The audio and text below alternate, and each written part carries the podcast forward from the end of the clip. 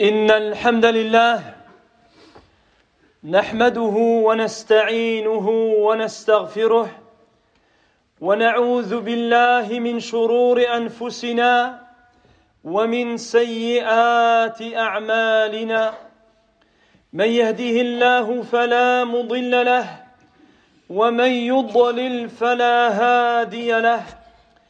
وأشهد أن لا إله إلا الله وحده لا شريك له وأشهد أن محمدا عبده ورسوله صلى الله عليه وعلى آله وأصحابه ومن تبعهم بإحسان إلى يوم الدين. أما بعد فإن أصدق الحديث كلام الله تعالى وخير الهدى هدى محمد صلى الله عليه وسلم وشر الأمور محدثاتها وكل محدثة بدعة وكل بدعة ضلالة وكل ضلالة في النار وبعد. عباد الله فعن الزبير بن العوام رضي الله تعالى عنه قال قال رسول الله صلى الله عليه وسلم من أحب أن تسره صحيفته فليكثر فيها من الاستغفار. عباد الله إن من عقيدتنا الإيمان بالكرام الكاتبين الذين جعلهم الله عز وجل علينا حافظين. كما قال سبحانه وإن عليكم لحافظين كراما كاتبين يعلمون ما تفعلون. وقال تعالى إذ يتلقى المتلقيان عن اليمين وعن الشمال قعيد. تلا الحسن البصري رحمه الله تعالى هذه الآية.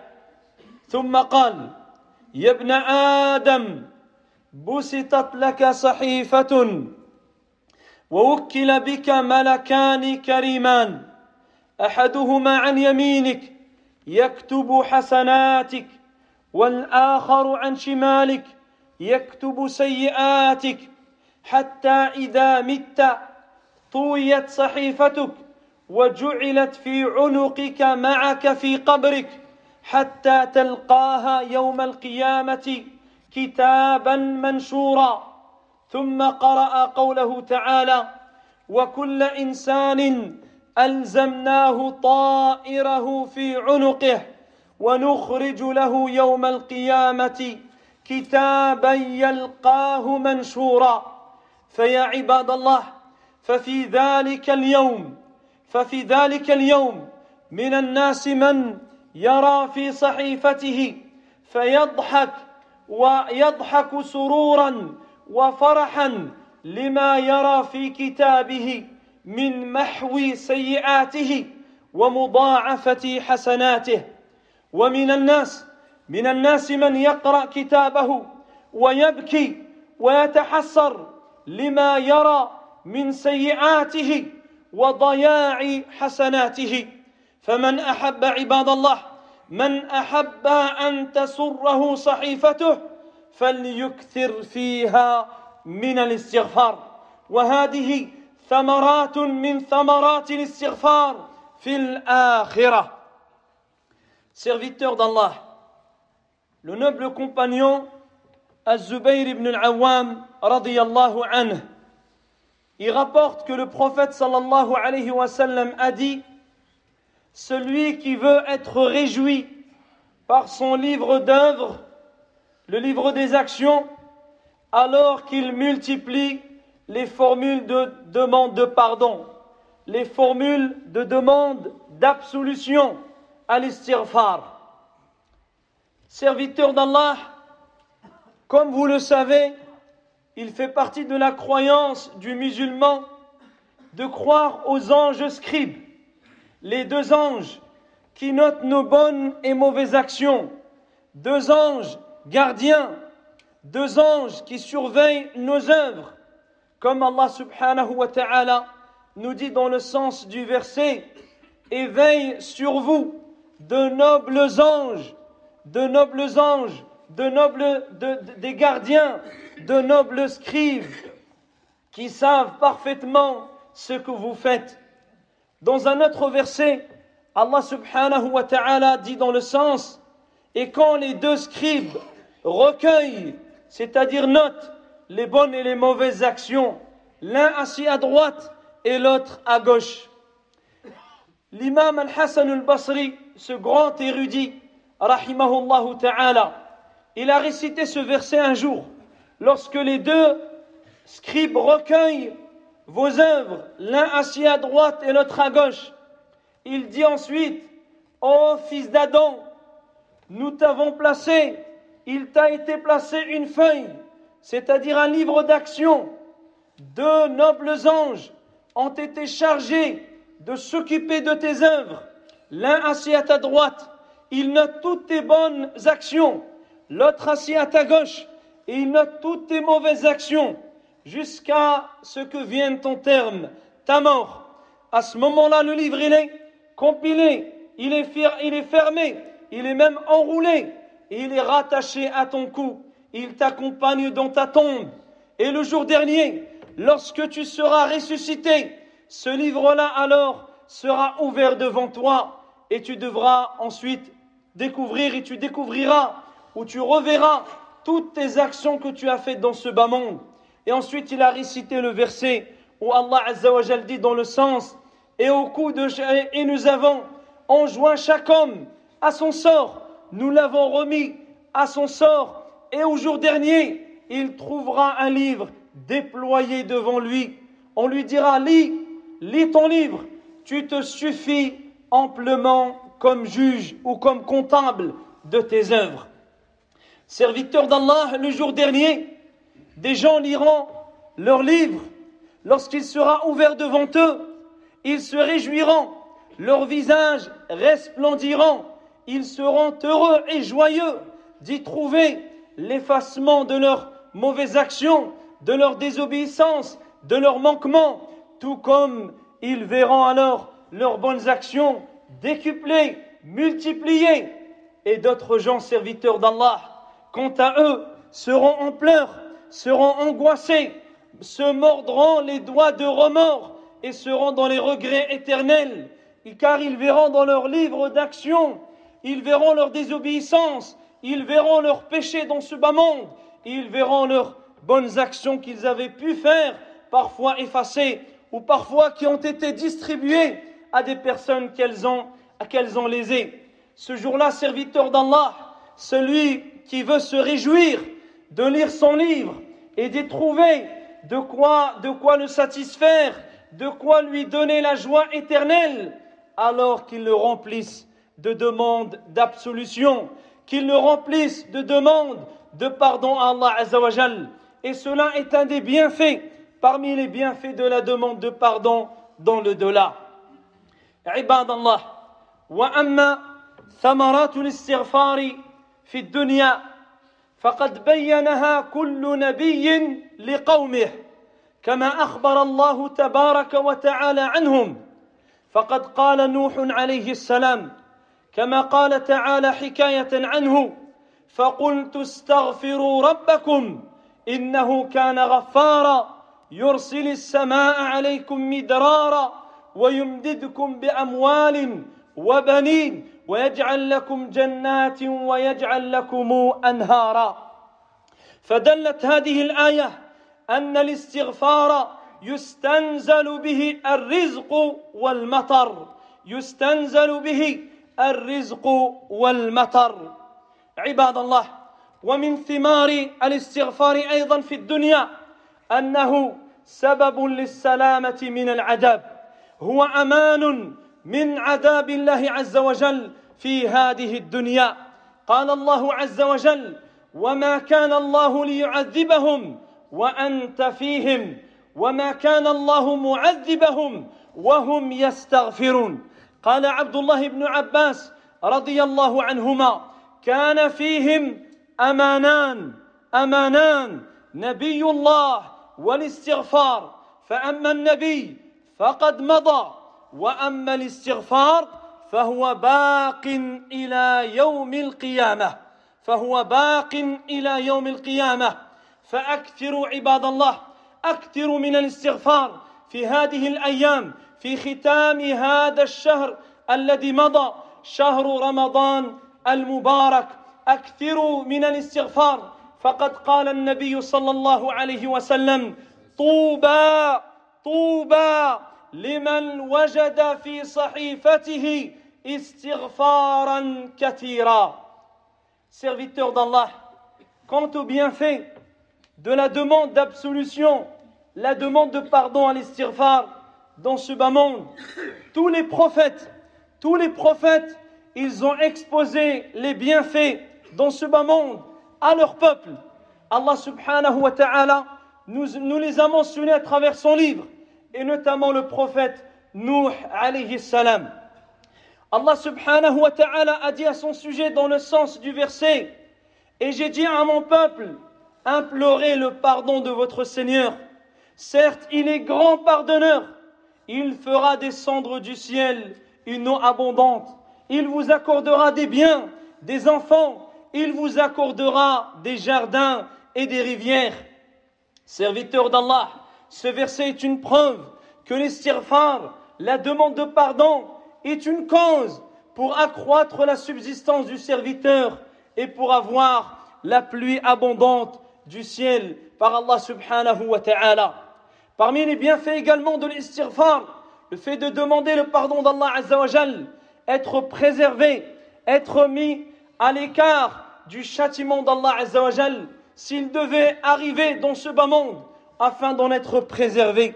Allah subhanahu wa ta'ala dit dans le sens du verset, et Allah et Allah ne va pas les châtier alors que tu es parmi eux, c'est-à-dire le prophète, alors que tu es parmi eux, et Allah ne va pas les châtier alors qu'ils implorent son pardon, alors qu'ils font l'istighfar. Abdullah ibn Abbas, radiyallahu anhuma, il a dit, ils avaient deux sécurités, deux causes de préservation, le prophète d'Allah et la demande de pardon. Quant au prophète, il est parti, c'est-à-dire il a quitté ce monde, il n'est plus une cause pour être préservé du châtiment, puisqu'il n'est plus parmi nous. Mais quant à l'istighfar, il dit il reste valable jusqu'à la fin des temps, jusqu'au jour dernier. أقول قولي هذا وأستغفر الله لي ولكم ولسائر المؤمنين فاستغفروه إنه هو الغفور الرحيم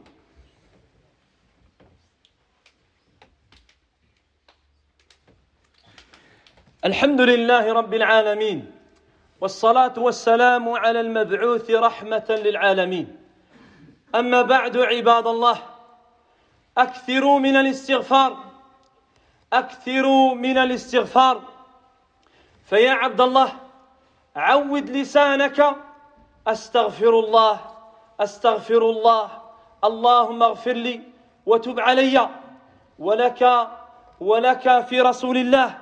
صلى الله عليه وسلم الأسوة الحسنة. فقد قال صلى الله عليه وسلم إني لأستغفر الله في اليوم مئة مرة. مئة مرة. وعن عبد الله بن عمر رضي الله عنهما قال إن كنا نعد لرسول الله صلى الله عليه وسلم في المجلس الواحد في المجلس الواحد رب اغفر لي وتب علي إنك أنت التواب الرحيم. مئة مرة مئة مرة في مجلس واحد. عباد الله وفي استغفاره صلى الله عليه وسلم وهو المعصوم وهو الذي غفر له ما تقدم من ذنبه وما تأخر. فيه تصويب لخطأ ذائع منتشر بين الناس ألا وهو أن الاستغفار هو للمذنبين هو للعصاة الذين يعصون الله عز وجل ليغفر الله ليغفر الله تعالى لهم. وهذا عباد الله ظن خاطئ. فالاستغفار ليس خاصا بالمذنبين بل هو للمطيعين والمسيئين للبر والفاجر للتقي وللعاصي. فهو لازم لجميع الناس لجميع المكلفين لأنه عباد الله من منا قد اتقى الله عز وجل حق تقاته؟ من منا عبد الله عز وجل كما ينبغي؟ فكلنا مقصرون في حق الله عز وجل. كلنا مقصرون في عبادة الله سبحانه وتعالى. ولهذا عباد الله شرع الله عز وجل الاستغفار دبر الصلوات ودبر قيام الليل وبعد الحج.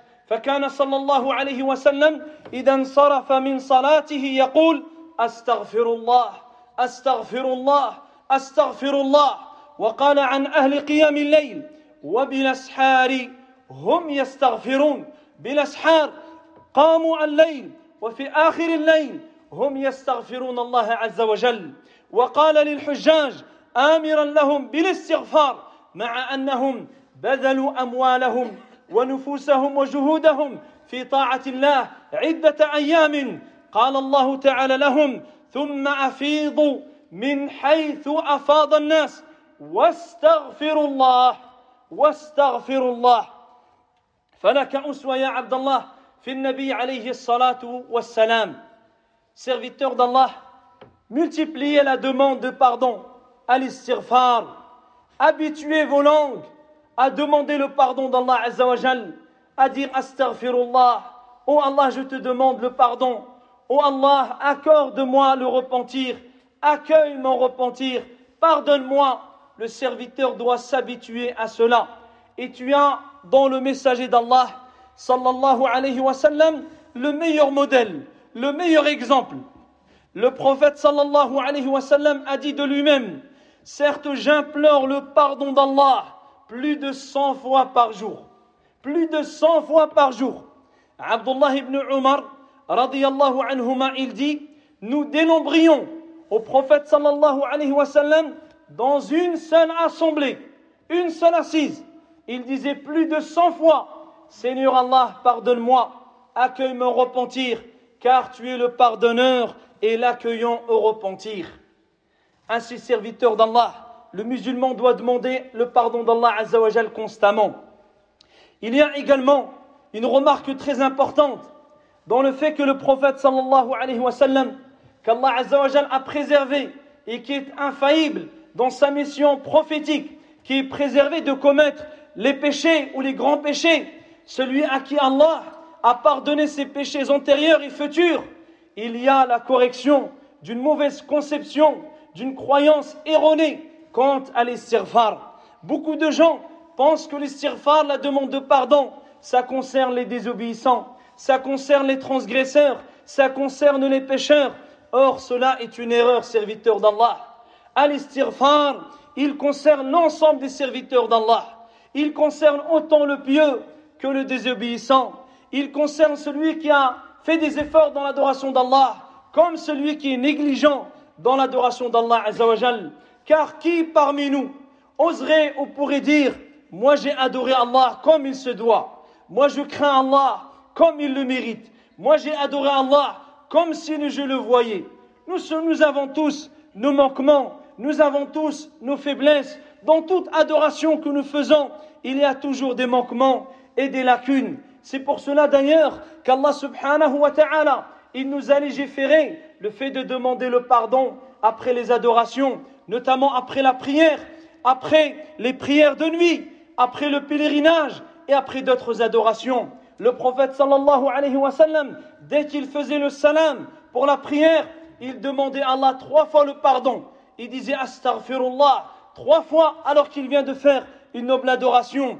Allah en parlant des prières de nuit, ceux qui ont veillé la nuit en prière, ils se sont arrachés de leur lit ils ont quitté le sommeil, ils ont quitté le repos pour s'adonner à l'adoration et la clôturent en demandant le pardon d'Allah. Allah dit dans le sens du verset, et dans les dernières heures de la nuit, ils implorent le pardon d'Allah.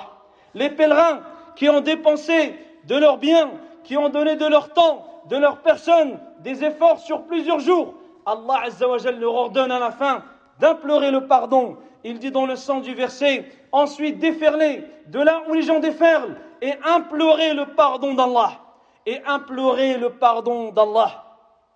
عباد الله واستغفروا استغفروا للمؤمنين والمؤمنات استغفروا للمؤمنين والمؤمنات تأسيا بالأنبياء والمرسلين فهذا أبوكم إبراهيم عليه السلام قال, قال تعالى عنه قال رب اغفر لي ولوالدي وللمؤمنين يوم يقوم الحساب.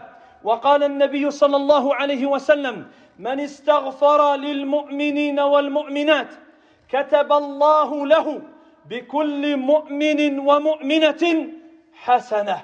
من استغفر للمؤمنين والمؤمنات كتب الله له بكل مؤمن ومؤمنة حسنة. فاستغفروا لإخوانكم واستغفروا في آخر هذا الشهر Serviteurs d'Allah, implorez également le pardon pour les croyants et les croyantes, pour l'ensemble des musulmans. Implorez le pardon pour eux et prenez comme exemple les prophètes et messagers d'Allah. Les prophètes imploraient le pardon pour tous les croyants. Le meilleur exemple à cela, c'est Ibrahim alayhi salam. Allah nous a relaté son invocation. Il dit Seigneur, pardonne-moi, ainsi qu'à mes parents et aux croyants le jour, le jour des comptes. Et notre prophète sallallahu alayhi wa sallam, il dit Celui qui implore le pardon pour les croyants et les croyantes, Allah lui inscrira une bonne action du nombre des croyants et des croyantes. Celui qui implore le pardon pour les croyants et les croyantes, Allah lui inscrit une bonne action au nombre des croyants et des croyantes. نسأل الله عز وجل أن يوفقنا لكل خير اللهم رد المسلمين إلى دينك ردا جميلا اللهم اغفر للمسلمين والمسلمات والمؤمنين والمؤمنات الأحياء منهم والأموات وصل اللهم على عبدك ورسولك محمد وعلى آله وصحبه أجمعين والحمد لله رب العالمين